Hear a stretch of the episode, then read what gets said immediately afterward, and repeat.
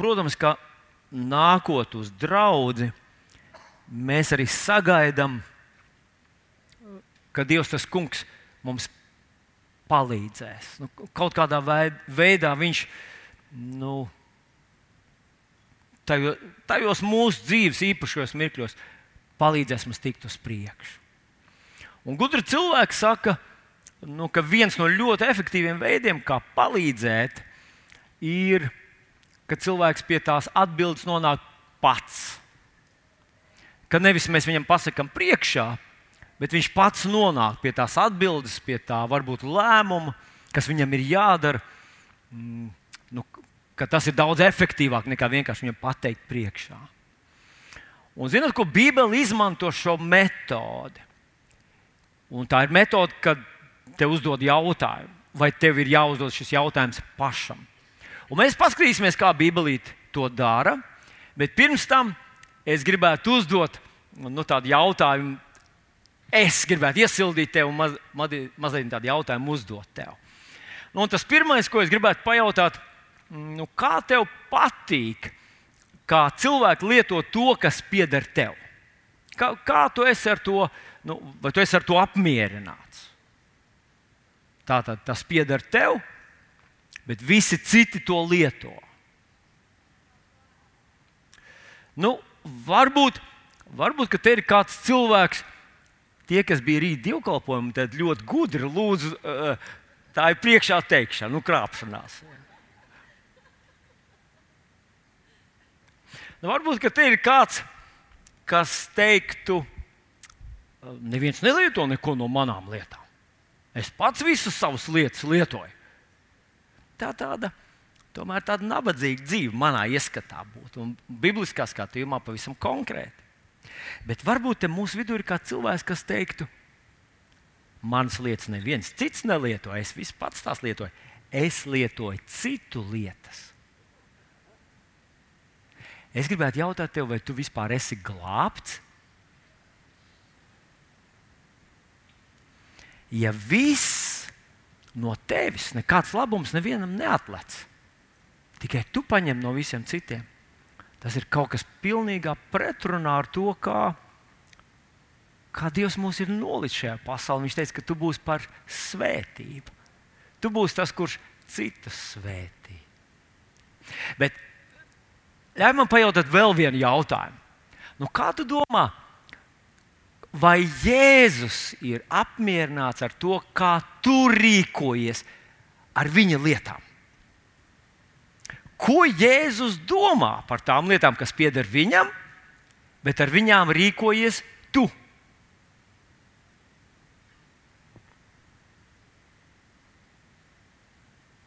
Nu, kas tās par lietām, kas pieder Jēzum, bet es rīkojos? Nu, viena no tādām lietām, ja tu saki, ka Jēzus ir mans kungs, ir tavs desmitais. 10% no taviem ienākumiem pieder Dievam.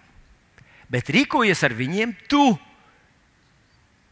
Vai Jēzus ir apmierināts ar to, kā tu rīkojies ar šiem viņa resursiem? Ļauj man pajautāt vēl mazliet plašāk.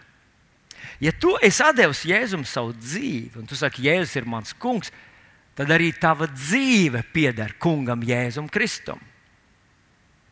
Vai viņš ir apmierināts ar to, kā tu dzīvo viņa dzīvi? Es pajautāšu vēlreiz, vai Jēzus ir apmierināts ar to, kā tu dzīvo to dzīvi, kas, kā tu apgalvo, ir viņa dzīve.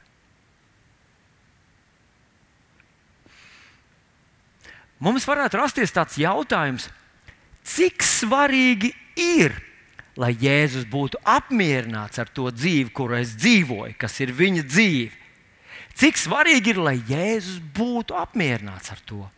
Nu, teiksim, desmit baļu sistēmā. Cik svarīgi un nozīmīgi tas ir, lai Jēzus teiktu, labi, tu godīgais un uzticīgais kalps.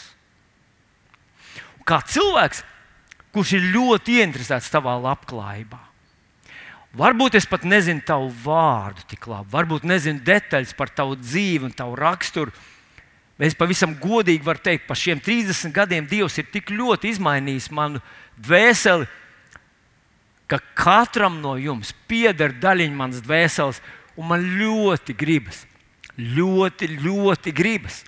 Nu, Gan arī kā Jānis raksta savā trešajā vēstulē, nav lielāka prieka man, kā dzirdēt, kā mani bērni dzīvo patiesībā. Un tad viņš saka, es novēlu tev labklājību un veselību, kāda jau ir tavai dvēselē.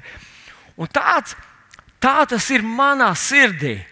Ļoti es vēlos par katru no jums, lai jūs būtu veiksmīgi un svētīti.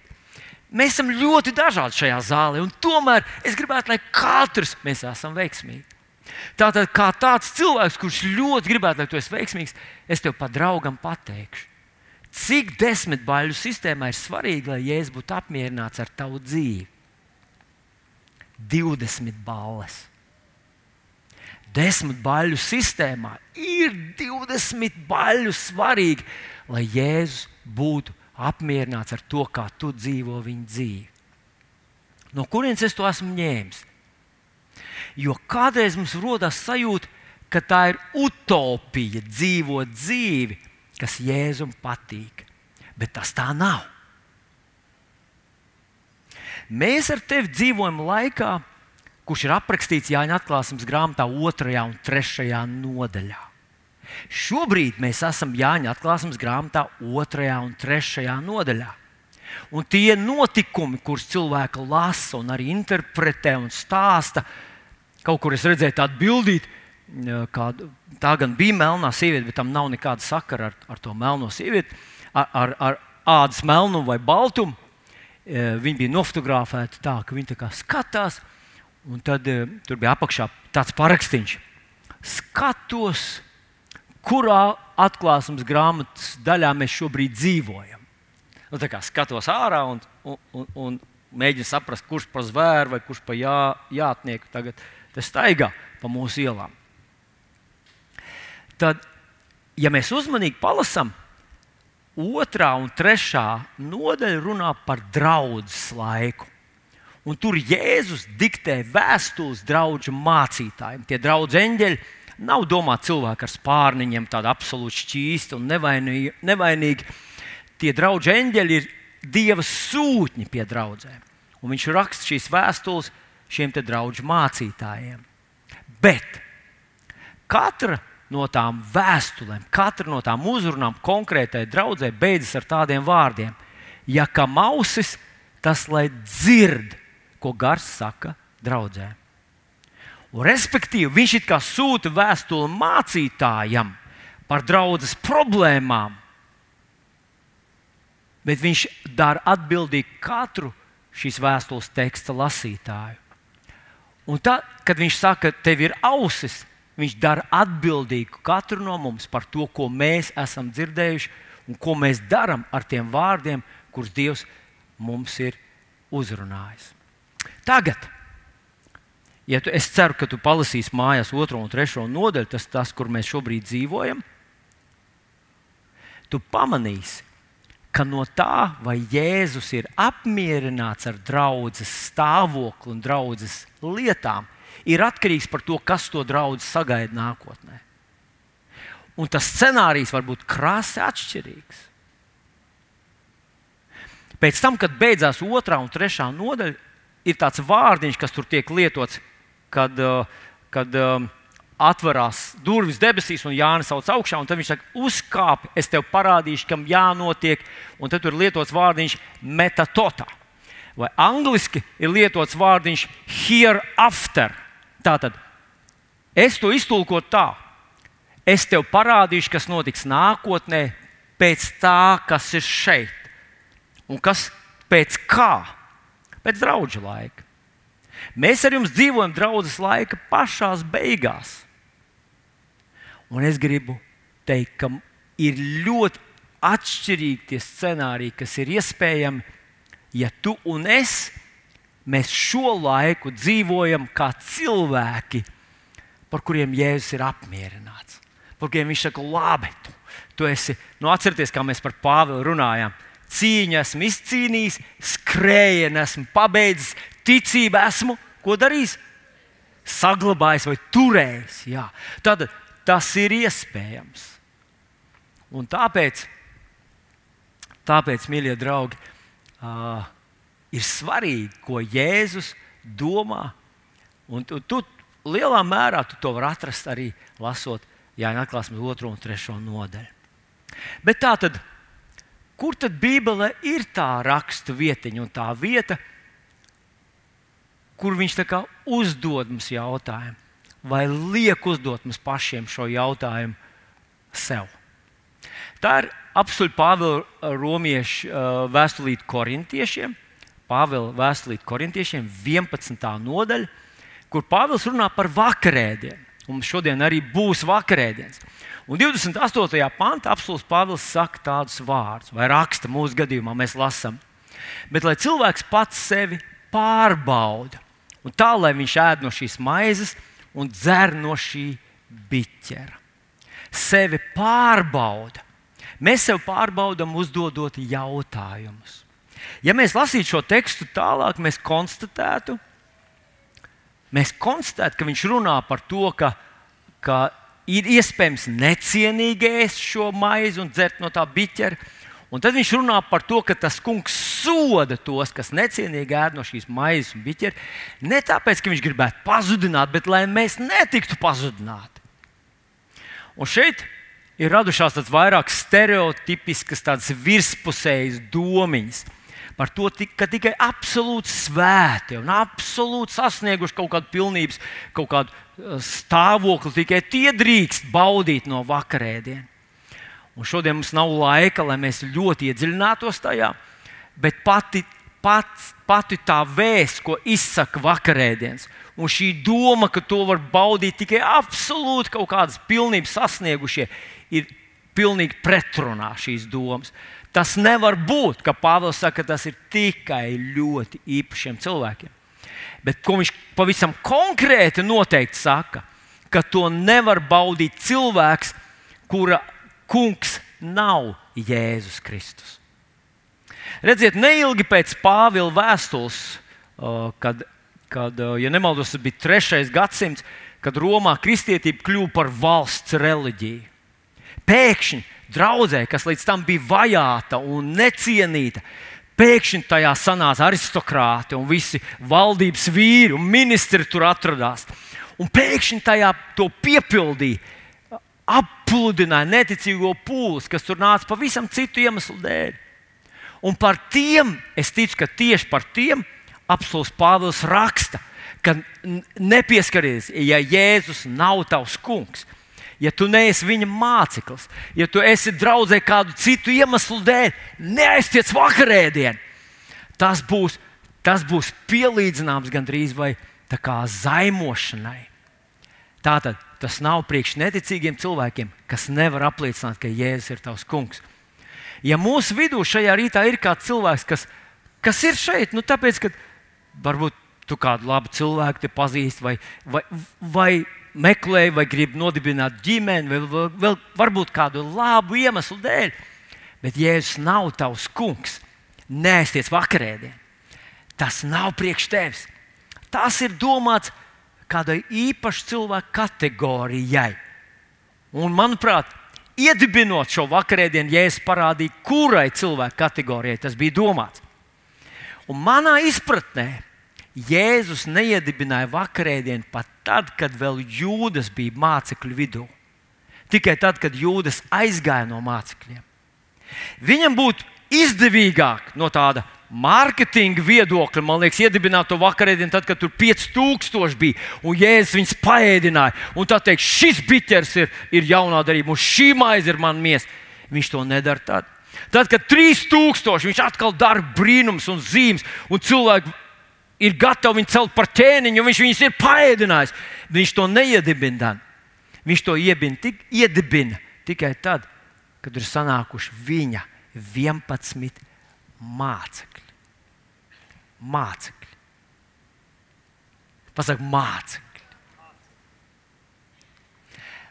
Tas jautājums, ko, manuprāt, apelsīns Pāvils pirms tu baudi vakarēdienu, grib, lai tu sev uzdod, vai tu esi Kristus māceklis? Un es pieņemu, ka lielā mērā mēs sadalītos tādās, ja mēs katram šodien pajautātu, mēs sadalītos divās grupās. Viens cilvēks teikt, protams, ka es esmu. Jā, es patiesi pieņēmu jēzu par savu kungu. Viņš ir mans kungs. Es to izdarīju pirms desmit gadiem, pieciem gadiem, pirms divām nedēļām, pirms trim nedēļām, pirms mēneša. Jēzus ir mans kungs, tas ir vakarēdienas iepriekš manī. Bet varbūt šeit būtu cilvēki, kas ir tādi ļoti informēti par Dieva augstajiem standartiem un varbūt kritiski pret sevi. Un viņi teikt, es nezinu, laikam vakarēdienas nav priekš manis, jo nu, man tā kā neizdodas būt tādam nu, tādam īstam māceklim. Vai tas ir kritērijs, cik strikti es sev vērtēju? Manuprāt, tas nav kritērijs. Kritērijs ir sekojušais. Kritērijs ir, vai tu no visas sirds vēlies būt par Kristus mācekli. Vai tu vēl aizvien gribi būt māceklis? Mākslinieks, kā mēs visi zinām, ir cilvēks, nevis, kurš vienkārši sēž koru solos. Kā mēs kādreiz domājam, ir dziedātāji un ir tie, kas sēž koru solos. Tāpat ir mācekļi un tie, kas sēž mācekļu krēslos. Vai tu vēl aizvien esi māceklis, vai tu mācies, vai tu maini savu dzīvi? Saskaņā ar to, kā tavs skolotājs, tavs mācītājs un tavs kungs vēlas, lai tava dzīve būtu. Un es no visas sirds šajā rītā, pārskatot visas jūsu acis, man gribētos teikt, lūdzu, esi māceklis. Ja tu esi pieņēmis jēzu, kā es pirms 30, 40, 50 gadiem, lūdzu, nepārstāj būt māceklis. Lūdzu, nenogursti, lūdzu, neuzdod, lūdzu, nepaliec flegmatisks klausītājs. Lūdzu, neesi cilvēks, kurš vienkārši meklē kaut ko, kas, kas mm, apstiprinātu tavu statusu, kur tu esi, un teikt, ka viss ir labi, neiespringst.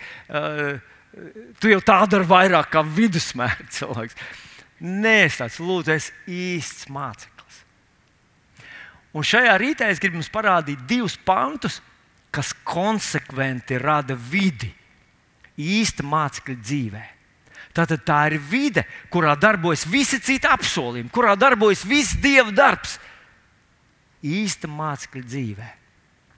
Un kā jau sacīju, ļoti vēlos, lai tu tāds māceklis patiešām būtu. Nu, kas tad ir par diviem pantiem? Tie ir apakstuļi Pāvila vēstulē romiešiem 12. nodaļā, pirmie divi panti. Un, ja tev ir līdzi tava bībelīte, tad lūdzu atver viņu vaļā. Bet atceries, ka mēs negribam būt tā milkšķīga paudze, vai ne? Tu nevērsi vaļā tu viņu savu e-pastu, neskatīsies Instagram, neskatīsies, kurš kur atrodas un ko kurš ir atsūtījis. Tu gribi dzirdēt, ko tas kungs tev saka. Sarunāts! Sarunāts! un, ja Tu nevari atturēties no tā. Ja tev telefons ir iestādīts, ka, ka viņš piegādā vienu dievkalpojumu laikā 15 bildītas par visiem taviem draugiem, kur viņi ir, ko viņi dara un ko viņi domā un ko viņi tev iesaka, tad sāc nesāt līdz papīra formātu Bībeli un telefonu atstāj ārā. Nu, tur ārā, uz soliņa. Tiesa mājās paņems. Varam tā sarunāt.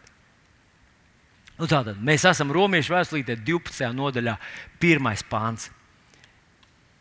Es jums lieku pie sirds, brāļi, Dieva žēlsirdības vārdā, nodot sevi pašus par dzīvu, svētu, Dievam patīkamu upuri. Tas, lai ir jūsu garīgais dievkalpojums vai garīgā kalpošana. Nodod sevi Dievam, atdot sevi Dievam. Tas ir tas, ko mēs darām, kad mēs pieņemam Jēzu par savu kungu. Mēs sakām, kungs, Es pieņemu tevi kā savu kungu. Dari ar mani dzīvi, kā tu gribi. Vadi mani, ved mani, lieto mani.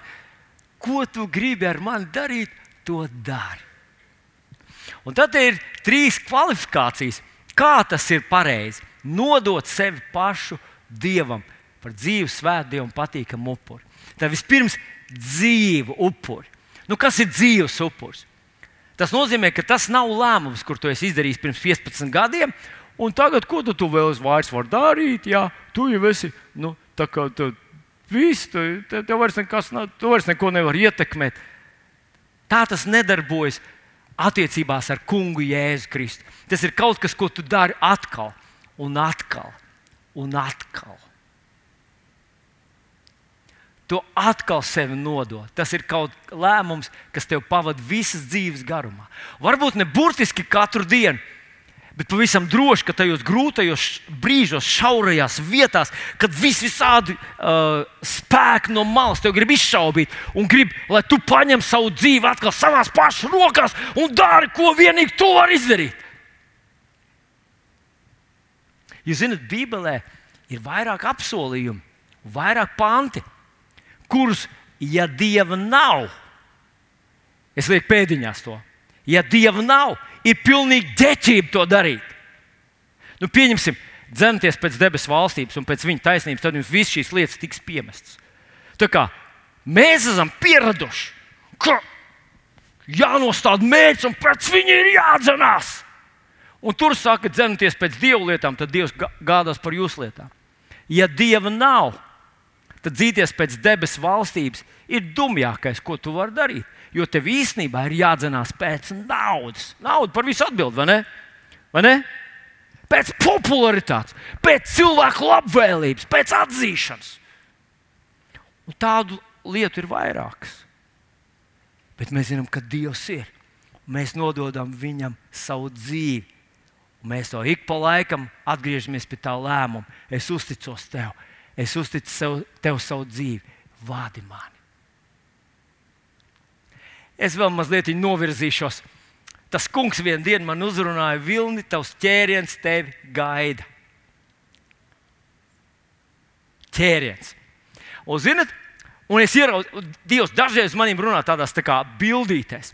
Un es ieraudzīju sevi, ka es sēžu upes krastā pavisam vienkārši makšķerīti, un, un, un tur pavisam, pavisam vienkārši pludiņš sēžu pie tā, pie tās upītes un gribu noķert savu zivtiņu.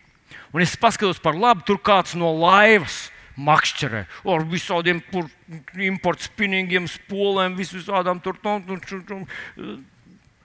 Otrā pusītē kāds nelegāli to darīja. Tam tas vēl kā ar savas dzīves, tas tur ar, ar, ar, ar tīkliem. Un es sēžu pa vidu starp to visu. Un tas kungs saka, tavs ķēriens tev garām neaizies. Un zinat ko? Man gribas gribas kaut kā izkustēties šajā vietiņā. Manā dzīvē viss ir atnācis tieši tā, kā ķēriens. Nekas nav tāds, ka mēs esam dzinies pakaļ. Nu, pieņemsim, man, mans dzīves draugs.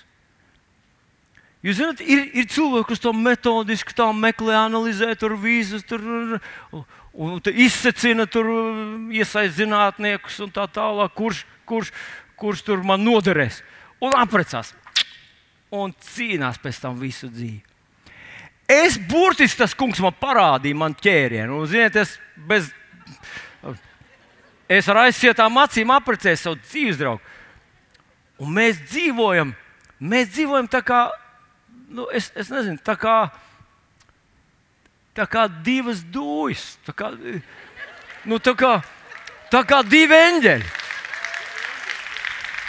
Un dažreiz, dažreiz mans dzīves draugs man pārprot. Bet, zin, es, es, es, es, sev, es sev biežāk nesaprotu, nekā viņi man pārprot. Un tas, es gandrīz gribētu teikt, ka tie, kas izmisīgi meklē savu dzīves draugu, nu, nu es nezinu, kā viņiem, bet, bet Dievs saka, tev, es tev došu ķērienu.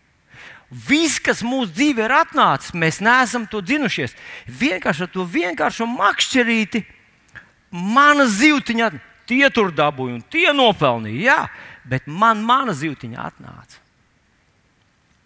Un tāpēc es nebaidos ik pa laikam atkal no jauna savu dzīvi uzticēt viņam, jo viņš ir ļoti labs Dievs. Ļoti labs Dievs. Jā, varam dot viņam aplausu. Viņš ir brīnišķīgs. Skaties, nākošā kvalifikācija - svēts. Svēts nozīmē patiesa. Tu esi godīgs ar Dievu. Tu netēlo, neizliecies. sliktākais, par ko mēs varam kļūt. Es atceros, ka Jēzus uzrunāja savus mācekļus. Viņš teica, sargieties no varizē un rakstu mācītāja rauga. Par ko viņš runāja? Par liekulību. Sliktākais, kas ar mums kristiešiem var notikt, ka mēs sākam izlikties. Ak, Dievs, no tā vairs atgriezties ir ļoti grūti.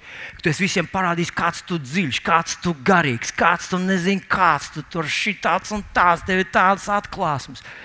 Parasti, ja tu satiec tādu cilvēku, paskaties, kas aug viņa dobītē. Jo dobītē aug tas, ko viņš ir stādījis. Tas, ko viņš ir iestādījis, tas ir izaugt. Viņš var tēlot nezinu kādu starpkontinentālu pravieti, bet viņa paša mājās parasti ir bēdas, nekārtība un posts. Un tāpēc svēts nozīmē godīgs, tīrs, patiesa. Tu patiesi devi savu dzīvi Jēzum.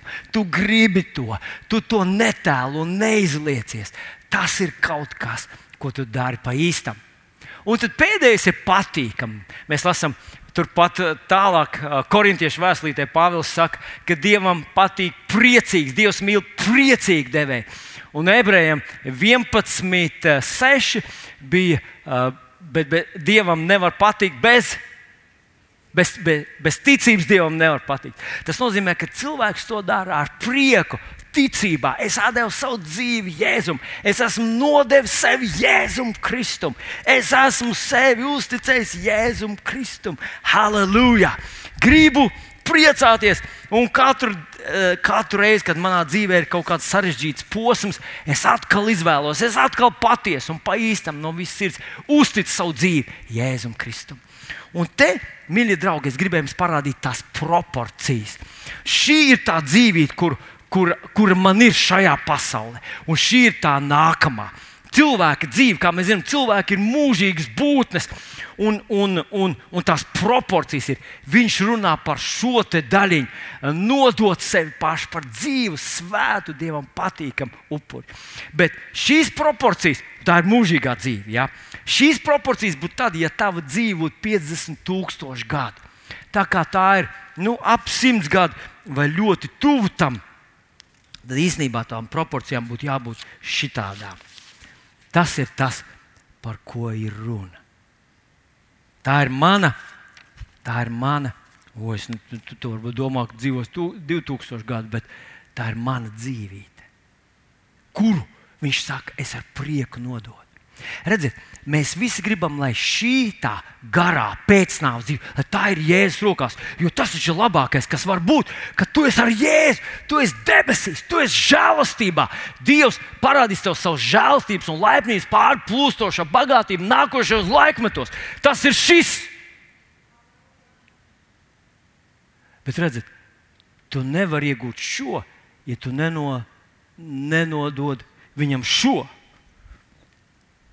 šī ir tava, šīs zemes dzīve. Un redziet, Bībelē ir interesanti. Jēzus saka, ko tas cilvēkam līdz, ka viņš iemanto visu pasauli, bet pazaudē savu dvēseli. Ko tas cilvēkam līdz, ka viņš visu šo te iemanto un pazaudē šo? Vai Apsolus Pāvils raksta, šīs pas, šī laikmeta ciešanas ir nenozīmīgas. Grūtā dzīve ir nenozīmīga salīdzinājumā ar nākamo godību, kas atspīdēs par mums. Tas ir tas, kāpēc es ar prieku, es patiesi gribu nodot Dievam šo, jo tas ir vienīgais princips, kā tas darbojas. Ja tu Dievam nodod šo, Un manā gadījumā man vairs nav nemaz viss pilns šis. Man ir palicis, varbūt, man ir palicis, ah, kungs, ne, tas nebūs pravietis. Tas vienkārši, vienkārši ilustrācija. Ja? Man ir palicis puse no šitā. Ja es nododu Dievam šo, es iegūstu kopā ar Dievu šo. Īsnībā nav pareizi. Man būtu jāatved visa nacionālā jaunā biblioteka šurp. Un tad jāsaka, kur palika rekur, rekur man šis. Es nodevis Dievam šo, kā Kristus māceklis. Kungs, visai grūti nodot viņu. Tas jādara atkal un atkal. Es iegūstu kopā ar to kungu šo. Vai tas ir grūti to izdarīt? Tikko tu paspēri solīt atpakaļ un paskaties uz malu no tā, tā, tā lielā upura, ak, Dievs, es tev uzticos. Ko tu, tu tur uzticēji Dievam? Un tu iegūsi kopā ar viņu mūžību. Tas ir tas, ko dara māceklis. Es zinu, ka tu gribi būt māceklis. Es zinu, ka tu esi māceklis. Es no visas sirds, kā tavs draugs, lūdzu tevi, lūdzu, esi māceklis. Un māceklis ir tāds, kurš ar prieku, patiesu un pa īstam, un to dara atkal un atkal. Saka, kungs, es tev piederu. Tas ir perspektīvākais, labākais, gudrākais lēmums manā dzīvē. Tu esi mans kungs. Es zinu, ka tu izvadīsi labāko, ko vien var. Vai tu esi māceklis? Pasaki, es esmu māceklis. Bet pēc šī panta nāk otrs pants, kurš darbojas saistībā ar šo pirmo. Gribētu teikt, ka šie divi panti ir kā vide, tā kā tāda operētāja sistēma, kurā pēc tam darbojas visas citas svētības, visi citi dieva apsolījumi. Un otrajā pantā mēs lasām sekojošos vārdus. Un netopiet šai pasaulē līdzīgi, bet pārvērtieties, atjaunodamies savā garā, lai pareizi saprastu, lai pareizi es ieliku vārdiņu no angļu valodas, no angļu bībeles, no King James un arī visām citām. Tur liet, lietots vārdiņš to prove. Tātad tā kā pierādītu, lai pierādītos, lai parādītos. Mūsu revidētajā tekstā ir tā tāda intelektuāla, lai es saprastu, nu, es sapratu, ja, nu, es sapratu, bet tur ir tas vārdiņš daudz plašāks, dziļāks un nozīmīgāks. Un es ieraudzīju, ka šis ir apsolījums. Šis pāns ir fantastisks apsolījums priekš visiem tiem, kas pārveido savu ga, uh, īstenībā tur būtu jābūt pārvērtētam, atjaunodamies savā prātā, lai pareizi pierādītu savā dzīvē to, kas ir Dieva griba, to, kas ir labs, tīkams un pilnīgs. Un bez šaubām te iet runa par kaut kādu procesu. Tas sākās kaut kādas, uh, nu, kaut kādas uh, ta, tas tā kā sākās, un tad vēl vairāk tas parādās, un vēl vairāk parādās cilvēku dzīvē, tā kā tādas stadijas. Bet es gribu pievērst tavu uzmanību šiem diviem vārdiņiem. Tas viens ir pārvērtieties, un tur ir lietots grieķu vārdiņš metamorfo. Mēs esam paņēmuši, no tām ir cēlies tas vārdiņš metamorfoze. Tātad pārvērsties ir metamorfoze. Un mēs to lietojam, kad mēs runājam par tārpu, tārpuņa pārtapšanu par tauriņu. Tātad ja tu atjauno savu prātu, tad tu pārvērties no situācijas, kurā tavā dzīvē ir ļoti pieticīgi rādītāji, ļoti pieticīga situācija, ļoti smaga, varbūt baiļu pilna, nedrošības, neziņas, nesvētības, slimību pilna, varbūt vienkārši, vienkārši lāstu pilna situācija. Tu pārvērties um, vai notiek šī metamorfoze, lai tavā dzīvē parādītos, kāda ir Dieva griba. Un tā ir laba, tīkama un pilnīga. Parādītos. Tātad, lai tavā dzīvē parādītos Dieva griba, lai viņi tiktu redzama, lai to varētu redzēt ne tikai tavos vārdos, lai to varētu redzēt tavā dobē, varētu paskatīties uz tavu dzīvi un redzēt, ka tur ir spēks, harmonija, līdzsvars, veselība, labklājība, uzvara, gudrība, vadība. Es ticu, ka tas ir tieši tas, ko šis pāns mums saka, un apsolījums, ko Dievs mums visiem dod. Bet pievērs uzmanību, netopiet šai pasaulē līdzīgi. Mēs tikko ierakstījām raidījumu ar dāvi uh, par, par uh, tetovēšanu. Jā. Un varbūt mans viedoklis tur varētu jauniešiem izklausīties pārāk strikts. Un es pēc tam sev pārdomāju, ka varbūt vajadzēja nu, tā kā, tā kā drusciņā tā, kā tā, nu, tā tolerantāk, tā runāt tā, tādā, tādā brīvākā, mierīgākā veidā. Bet, zinot, skatoties no, no, no cilvēka perspektīvas, kurš šajā pasaulē jau atrodas uh, jau ilgāk, vairāk kā pusgadsimtu, es redzu, kas notiek ar tā saucamo kultūru, pasaules kultūru. Ja kādreiz tā bija viena vietā, tad tagad tā drēfē uh, ļoti nebibliskā virzienā. Un, respektīvi, mēs runājam par to pašu tetovēšanos, tad kādreiz tā bija tīra cietumnieku kultūra. Cietumā bija tie. Šobrīd, šobrīd sabiedrība drēfē, sabiedrības populārais viedoklis drēfē tajā virzienā. Un, un tas ir tas, ko Pāvils saka, ka tev tu virzies pretējā virzienā. Sabiedrība attālinās, tu tuvojies Kristum. Un tas nozīmē, ka šī atšķirība starp pasaules viedokli, pasaules domāšanas sistēmu, pasaules paradigmu, viņi visu laiku virzās prom. Varbūt katru dienu, solīt pa solītam, varbūt nemanām, varbūt, varbūt nu, cilvēks skaidro, nu, nu, visiem patīk, un tā tas darbojas, un tomēr tas virzās prom vienā virzienā. Mēs ar tevi virzamies pilnīgi pretējā virzienā. Mēs esam Kristus mācekļi. Un tas ir tas, ko viņš saka. Tas atstatums, atšķirības ar pasauli un tevi, viņš pieaug. Katru dienu pieaug viņš palielinās. Kas veido tavu skatu, kas veido tavu uzskatu, kas veido tavas vērtības? Tas ir Kristus vārds. Viņa vērtības, Bībeles koncepcijas. Skaties vēlreiz. Tātad mēs nodevām sev pašu Kristum ar prieku, mēs apzināmies, ka mēs atdodam kaut ko tik nenozīmīgu un iegūstam kaut ko tik nozīmīgu. Un šeit viņš saka par to, ka mēs virzamies, mēs atjaunojamies, mēs pārtopam, mēs pārvēršamies. Mūsos notiek metamorfoze. Un es nebaidos pateikt, ka tā ir dziedināšanas metamorfoze, ka tā ir tavas dvēseles stabilitātes, tavas personības spēka, tava radošuma metamorfoze, ka tu no viena pieticīga stāvokļa nonāc tajā stāvoklī, kurā var redzēt, ka tavā dzīvē darbojas Dievs.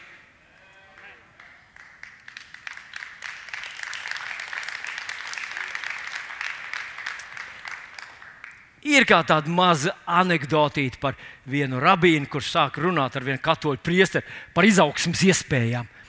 Un, un tad tam, tam rabīnam visu laiku neiespaidoja, ka tas ka es, es nestāstīšu viņu, tikai ma, mazliet, mazliet atgādināšu. Es esmu viņu stāstījis par to, ka to, to rabīnu vispār ne. Es esmu priesteris, bet es varu kļūt par biskupu. Rabīnam nelikās, ka tas kaut kas īpašs. Un tad viņš tur, no, tur visiem apstākļiem sakrīt kopā, un tur tā, tā, tā es varu kļūt par arhibīskapu. Rabīnam tas vispār ne. Tad viņš saka, es varu kļūt par kardinālu. Rabīnam nelikās, ka tas ir kaut kas īpašs. Un tas sakaitināja to priesteru beig, beigās. Viņš saka, es varu kļūt par pāvestu. Daži kļūst. Un rabīnam tas vispār neiespaidoja. Nu, tad tas kā to ir priesteris sadusmojies. Ko tu, tu gribi, lai es tev pasaku, ka es varu kļūt par dievu? Un tas rabīns vienam no mūsu puišiem tas izdevās.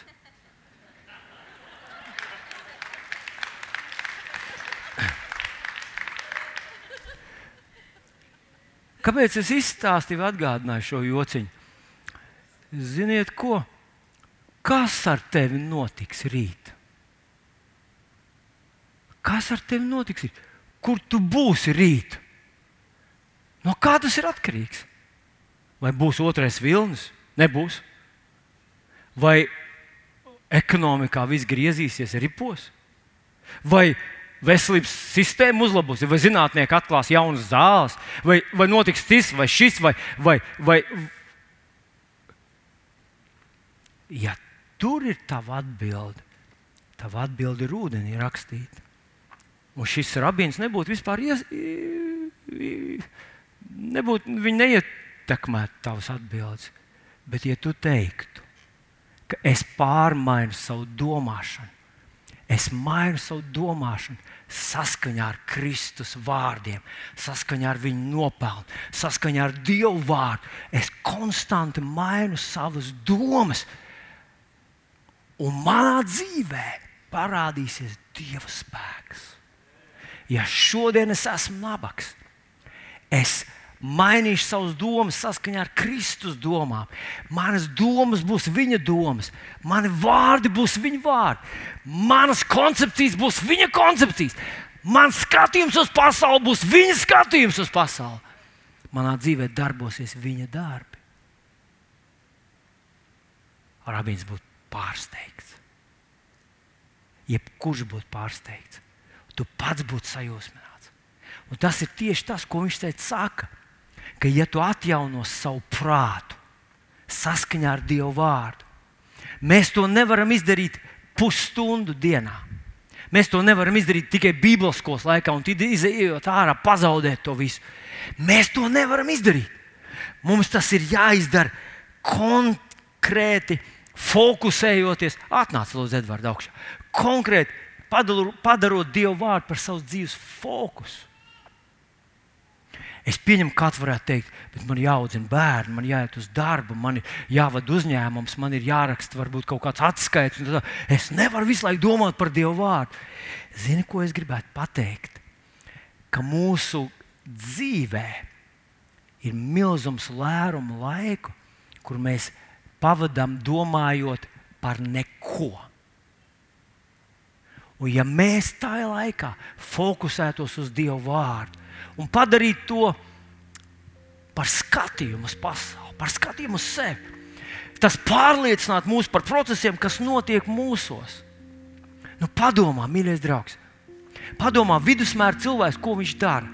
Un es tagad, zīmējot šo piemēru, es negribu mest kādu ēnu uz doktoriem, bet, bet padomājiet no garīga principa. Es esmu cilvēks, kurš aiziet pie cita cilvēka. Šī gadījumā mēs teiktu, varbūt tas ir speciālists, tas ir doktors. Es aizēju pie cita cilvēka un jautāju viņam, lai viņš pasakā, kas manī notiek. Un viņš paklausījās man un ieskaties man nu, mutē un paskaties man acīs. Jā. Viņš ar jums ir slikti. Jūs mirstat. Un es paņēmis tos vārdus, padarīt tos par savu paradigmu. Tā vietā, lai es pats pateiktu sev, kas ar mani notiek. Lai es zinātu, kas ar mani notiek. Un es nerunāju par tādiem, ziniet, viegliprātīgiem, tādiem, nu, kā saka, ka esot viena slimnīca no kuras kur iznāk viens cilvēks, saka, Dievs man sūtīja pie tevis, pēkšņi no palātas atskan balss. Nē, es nevienu nekur neesmu sūtījis. Nu, es nerunāju par nu, tādu veidu cilvēkiem. Es runāju par veselīgu, veselīgu domāšanu, ka tu pieņemot Dievu vārdu, pieņemot Kristus nopelnu, Tu zini, kas ar tevi ir. Tu vādi tos procesus, kas notiek tavā ķermenī, tavā dvēselē, ka tu pats sludini sev, ka tu pats pieņem to. Jo to jau, to, to jau pat kaut kāda cilvēka austrumu reliģijā saka, ka mēs ļoti varam ietekmēt sevi. Bībele mums to ir sludinājusi 2000 gadus.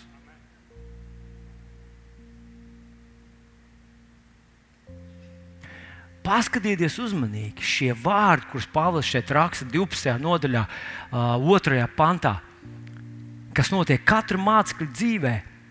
Bībelē mēs to varam sastapt gandrīz pie katra cilvēka, ar kuru vai pie kura Dievs grib izdarīt lielu lietu. Un viena no tām ir salma pamācībās. Salmām pamācībās, 4. nodaļā, uh, Salamans raksta sekojošos vārdus. Mans dēls ievēro manus vārdus, lai tava auss nosliecas manai runai pretī, lai tie neizslīd no tavas apziņas un redzes loka, saglabā tos savā sirdī, jo tie ir dzīvība tiem, kas tos atrod, un zāles visai viņu miesai, kas dziedina. Mani vārdi, ko nozīmē? Ko nozīmē noslēdzas mani vārdi, noslēdzas manai runai pretī? Tas būtu tā, ka jūs visi kaut ko runātu šeit. Visi kaut kā dotu man kaut kādas padomas. Ziniet, ko es darītu? Es savu ausu noliektu tā, lai es dzirdu, ko saka Līga. Es gribu dzirdēt viņas viedokli, ko viņa man saka. Tas ir tas, ko Salamans saka. Ir daudz balsu pasaulē. No visām pusēm šobrīd visi kaut ko kliedz, visi kaut ko saka, visi kaut ko māca. Visi zina, šodien pasaulē tik daudz muļķu, kā nav bijis nekad. Un visur ir tik daudz skolotāju, kā nav bijis nekad. Visi kaut ko zina, visi kaut ko māca. Un visiem ir viedoklis. Un viņš saka, tu tā pieregulē savu dvēseli, tu tā noskaņo savu dvēseli, lai tu dzirdētu, ko tev saka tas kungs. Tad, skaties tā, tad tās ir zāles, kas dziedina un, un dzīvību tiem, kas to atrod. Tieši šos pašus vārdus viņš saka Jozom. Viņš saka, lai man, lai man bauslība nepamet tavu muti, apdomā to dienām un naktīm. Viņš saka, tad tev viss izdosies un tev viss laimēsies. Un šis apsolījums ir dots tev un man. Mācekli. Tu esi māceklis tik ilgi, kamēr tu ļauj Jēzum tevi ietekmēt. Kamēr tu mērķiecīgi mainies, lai tu darītu tā, kā viņš saka. Tad priekš tevis vakarēdienas ir priekš tevis. Tad tas ir dzīves, tad tas ir brīnums tas var atnest brīnumu tavā dzīvē. Jēzus iestādītā maizīte, šī ir mana miesa, kas par tevi tiek dot. Un biķers ir svētības biķers, kas, kad cik kārt jūs no tā dzerat, to dzerat man pieminēta. Šai rītā es gribēju, lai tu uzdod sev jautājumu, vai es vēl ar vienu esmu māceklis. Un lai tu pieņem lēmumu, es biju Jēzus māceklis, un es palikšu līdz galam. Es gribu mainīties. Es esmu nodevis savu dzīvi viņam. Un, un es esmu nodevis savu dzīvi viņam, un es mainu savu prātu saskaņā ar Dieva vārdu, lai mans domas būtu viņa domas un man vārdi būtu viņa vārdi.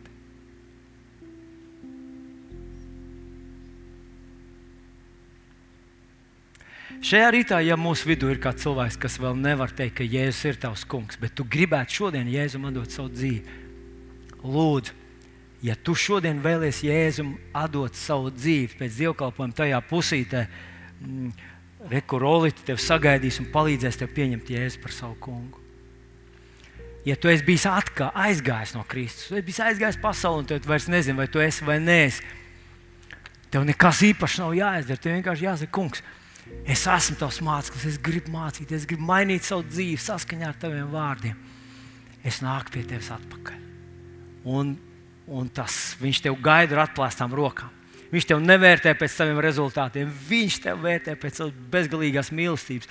Viņam priekš tevis ir plāns, viņam ir lietas, ko viņš grib izdarīt tavā dzīvē, un tas būs brīnišķīgi.